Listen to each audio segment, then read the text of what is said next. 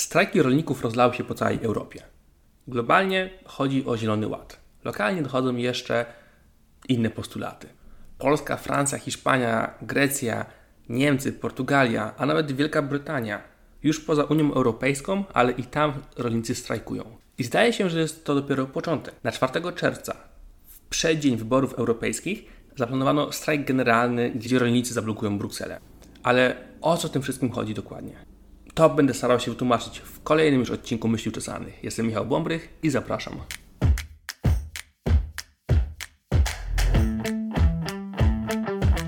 Głównie chodzi o dwie rzeczy. O Zielony Ład i żywność z Ukrainy. Zacznijmy od Zielonego Ładu, czyli pakietu ustaw, które Unia Europejska chce wprowadzić, by zapewnić neutralność klimatyczną w Unii Europejskiej do roku 2050. Jest to bardzo szeroki pakiet ustaw, obejmujące różne dyscypliny naszego życia i życia zawodowego, i w tym również dotykające rolnictwa. W przypadku polskich rolników, którzy mają 7 postulatów, pierwszy z nich wzywa do wycofania się całkowicie z proponowanych przez Zielony Ład pomysłów. Ale jakie to są w tym Zielonym Ładzie zmiany, które tak wkurzyły rolników? No, po pierwsze, na przykład pomysł, żeby 10% gruntów rolnych leżało ugorem. Czyli ta jedna dziesiąta gruntów nie powinna być zasiewana, wykorzystywana do produkcji rolnej. Mogły tam być drzewa, ale nie owocowe, jakieś drzewa normalne, żywopłoty, e, pasy buforowe czy stawy. Argumentacja Unii jest taka, że jakość gleb uprawnych w Unii Europejskiej jest słaba. Gdyby ta jedna dziesiąta leżała ugorem, to ona wtedy by zyskiwała na swojej jakości.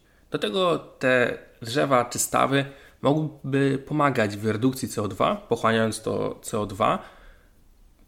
Tego trochę nie do końca rozumiem, bo jak zasiejemy zboże, no to one też CO2 pochłania, jak roślina rośnie, ale no taki tam argument. A jeśli to byłby staw na przykład, no to by to mogło pomagać w regulacji e, poziomu wód. Aż mi się przypomina trójpolówka z gimnazjum. Jak to chłopi kiedyś tam w Polsce mieli pole zasiewane e, zbożem ozimym i zbożem letnim, a trzecia część leżała u góry, potem się to zmieniało. Swoją drogą nie wiem, dlaczego nas tego uczyli na historii w gimnazjum, ale aż mi się to przypomina. Jednak, ale to 10% to jest plan unijny. Zielony Ład względem rolników działa w taki sposób, że Unia ma te swoje cele, te swoje propozycje, a później każdy kraj członkowski w ramach wspólnej polityki rolnej wprowadza swoje własne ograniczenia, które są dostosowane do konkretnego kraju, które mają się jakoś tam pokrywać z tym planem unijnym, ale nie muszą być dokładnie takie same. Helikopter leci i mnie zagłuszy. Super. Tak więc w Polsce obecnie nie mówiło się o 10% ziemi leżących ugorem. Mówiło się o 4%, żeby rolnicy 4% ziem na to przeznaczyli. I to tylko rolnicy w gospodarstwach powyżej 10 hektarów.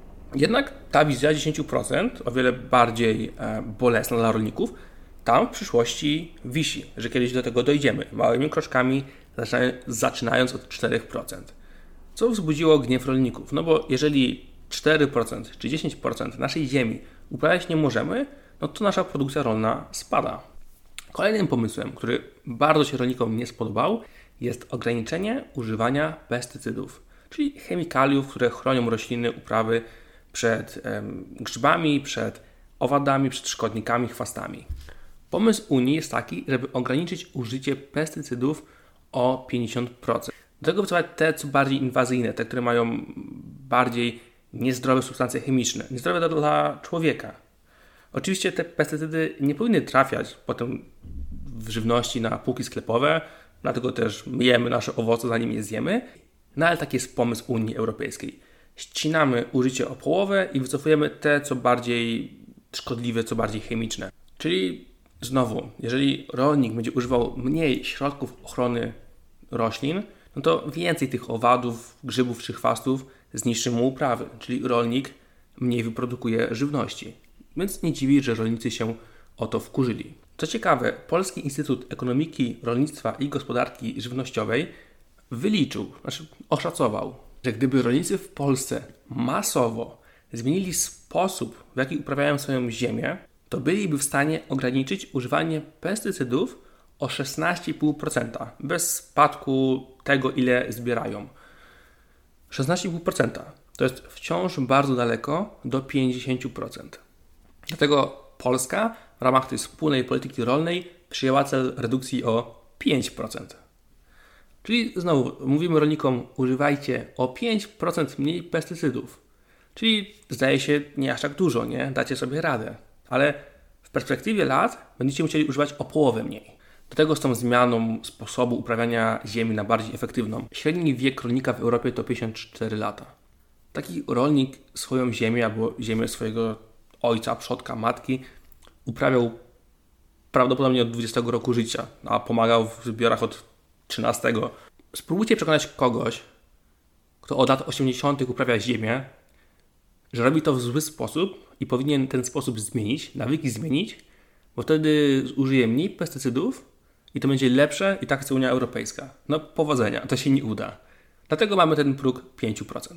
Kolejny pomysł wychodzący od Unii Europejskiej jest ograniczenie użycia nawozów o 20%. I znowu, jeżeli nie możemy nawozić ziemi, a już wspomniałem, że gleby w Europie są kiepskiej jakości, w Polsce również, no to ta ziemia wyprodukuje mniej plonów. Czyli z perspektywy rolnika, Unia Europejska mówi nam tak: części ziemi nie uprawiaj w ogóle, niech leży ugorem. Ochrona roślin przed szkodnikami zmniejsz o połowę. Nawożenie swojej ziemi, żeby dawała lepsze plony, zmniejsz o jedną piątą. No, wydaje się to być bardzo nielogiczne z perspektywy kogoś, kto chce mieć jak najlepsze plony, jak największe, sprzedawać i z tego żyć. Sytuację w Polsce komplikują dodatkowo sektorowe problemy z rolnictwem. To znaczy, jest one bardzo rozdrobnione. Ponad połowa gospodarstw w Polsce jest poniżej 5 hektarów. Rolnik posiadający takie małe pole poniżej 5 hektarów ma mniejsze zasoby, mniejsze możliwości inwestowania w swoje gospodarstwo, żeby się do tych nowych polityk unijnych dostosować. Bo na przykład z tymi pestycydami, czy da się ograniczyć użycie tak, żeby nasze plony nie zmalały, żeby nam te chwasty tam nie rosły, ale żeby to było no, bardziej powiedzmy zdrowe bez tych chemikaliów. Da się. Istnieją takie firmy jak Carbon Robotics, które oferują albo autonomiczne roboty, które jeżdżą po polu, za pomocą kamery rozpoznają ziemię, z którą przejeżdżają, sztuczna inteligencja rozpoznaje, co jest rosnącym zbożem, a co chwastem i za pomocą lasera punktowo wypala te chwasty. Jak nie autonomiczny robot, który, który jeździ sam po polu, to można również taką, taką maszynę, która wypala w taki sam sposób chwasty, zamontować za traktorem i samemu, i samemu po polu ciągnąć. Wypalamy punktowo chwasty, nie potrzebujemy oprysków. No super. Problem tylko, że taka maszyna kosztuje ponad milion dolarów. No jest to kwota nieosiągalna dla małego gospodarstwa w Polsce. Jak istnieje wielki holding, który ma naprawdę wielkie tereny, wielkie zasiewy, no w zasadzie jest to fabryka produkująca żywność, to można coś sobie zakupić. Taką firmę wielką będzie na to stać. Tak samo jak będzie ich stać na używanie zdjęć satelitarnych czy dokładnych pomiarów za pomocą GPS-u, żeby sprawdzić, gdzie ziemię nawozić, w jaki sposób, jak najdokładniej, jak najlepiej. Dodajmy do tego, że przez nasz klimat w Polsce jest on gorszy niż klimat w Europie Zachodniej, więc plony polskich rolników są mniejsze niż ich kolegów z Francji, Hiszpanii czy Włoch. Tylko przez pogodę. Do tego Zielony Ład zawierał pomysły takie jak przeznaczenie 1 czwartej ziem na uprawy ekologiczne, czyli uprawy, gdzie się w ogóle nie nawozi, gdzie się w ogóle tych pestycydów nie używa, co powoduje, że te plony są mniejsze, no ale są ekologiczne, potem jest z tego żywność bio, nie? E, no ale plony są mniejsze. 25% ziem chcieli na to e, przeznaczyć oraz ograniczyć emisję gazów cieplarnianych w rolnictwie o 55%. Więc z perspektywy rolnika Unia Europejska chciała wprowadzić takie przepisy, które by bardzo uderzyły w możliwości produkcyjne.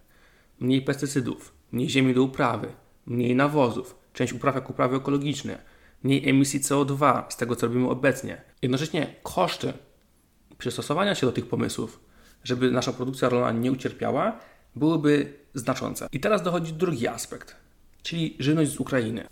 Dość głośno było nie tak dawno temu o aferze zbożowej. I od tamtego czasu problem z żywnością z Ukrainy narastał. 15 września Unia Europejska zdjęła restrykcje na import produktów z Ukrainy. W odpowiedzi na to kilka krajów, tych najbliższych geograficznie Ukrainie, wprowadziła swoje własne restrykcje, jak Polska, jak Słowacja, jak Węgry, jak Rumunia.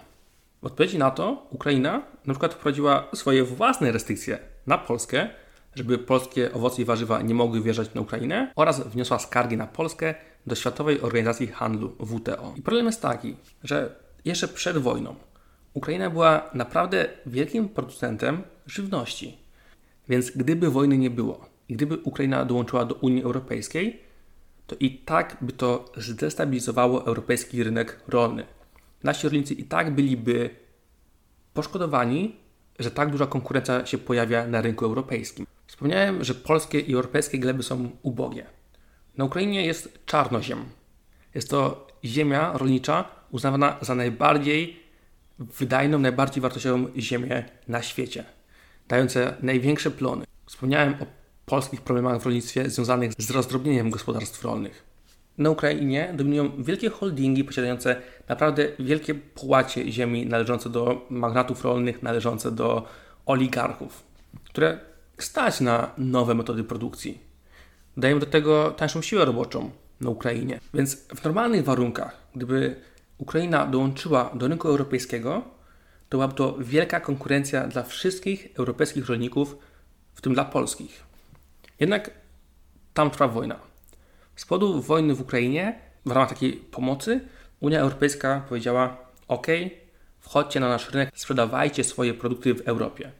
Co oczywiście rozwścieczyło rolników. To, co dodatkowo komplikuje tę sprawę, to jest to, że Unia Europejska nie wymaga od Ukraińców spełnienia norm europejskich. Więc nie dość, że są wielkim producentem, to mają niższe standardy. Co jeszcze bardziej, rolnicy w Europie i w Polsce postrzegają jako nieuczciwą konkurencję. Bo skoro mają niższe standardy, mają niższe koszty produkcji, to jak mamy z nimi konkurować? Oczywiste jest to, że te produkty rolne z Ukrainy będą tańsze niż polskie, niż włoskie, niż hiszpańskie. I oczywiście każdy sobie zdaje sytuację, jak wyjątkowa jest to sytuacja spowodowana przez wojnę. Ale nie zmienia to faktu, że rolnicy są i czują się poszkodowani. Dodajmy do tego, że wojna spowodowała wzrost cen nawozów, bo do produkcji nawozów rolniczych potrzebny jest gaz często. A w momencie, kiedy kilka rur na dnie Bałtyku wybuchło, a my nałożyliśmy sankcje na Rosję, no ceny gazu poszły w górę, więc ceny nawozów również poszły w górę. Do tego w Portugalii, Hiszpanii, Francji czy Niemczech rolnicy strajkują przeciwko zmianom w dopłatach albo ulgach podatkowych od oleju napędowego, którego potrzebują do swoich maszyn rolniczych. Rząd niemiecki wycofał się z zmian w ulgach podatkowych. Rząd francuski już po strajkach wycofał się z wycofał się z wycofywania dopłat do tego oleju. Ale to nie wystarczyło.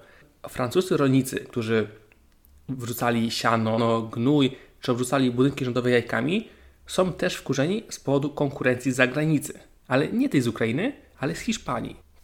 O hiszpańskich rolnikach już wspominałem w odcinku o tym, że brakuje nam wody. Hiszpania jest największym producentem warzyw i owoców w Europie, co wkurza rolników francuskich. Blokowali oni przejścia graniczne między Francją a Hiszpanią, a nawet zniszczyli jeden transport owoców jadących z Hiszpanii do Francji. I te wszystkie protesty w wielu krajach Unii Europejskiej doprowadziły do sukcesu. 31 stycznia Komisja Europejska opublikowała komunikat, łagodzący niektóre przepisy, a 6 lutego Ursula von der Leyen zapowiedziała kolejne ustępstwa. Wycofano się z pomysłu ograniczenia ilości używanych pestycydów i zapowiedziano, że potrzebny jest dialog z rolnikami, by ustalić nowe podejście do tematu. Więc zdaje się, że rolnicy wywalczyli część swoich postulatów, ale mają zamiar walczyć dalej. I teraz szybko przejdę przez kolejne postulaty polskich rolników, które oni podnoszą. Dwa pierwsze postulaty polskich rolników dotyczą Zielonego Ładu i transportu żywności z Ukrainy. To już omówiliśmy.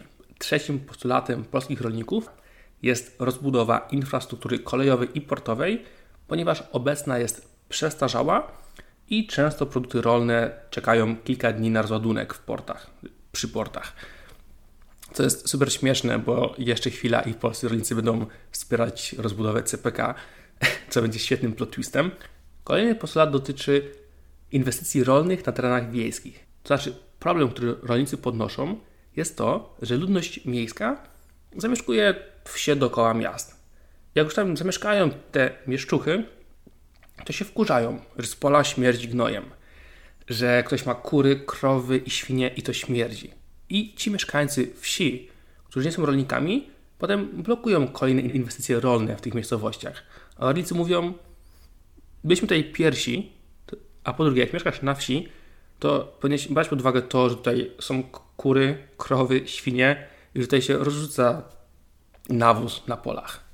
To jest, wydaje mi się, być całkiem sensowny argument akurat. Szóstym postulatem jest zwiększenie limitu pomocy dla rolników, e, tych dopłat, które dostają, ponieważ inflacja zjadła część tego, co dostawali, no więc nie było to waloryzowane, więc chcieli, żeby to wzrosło. W miarę logiczne.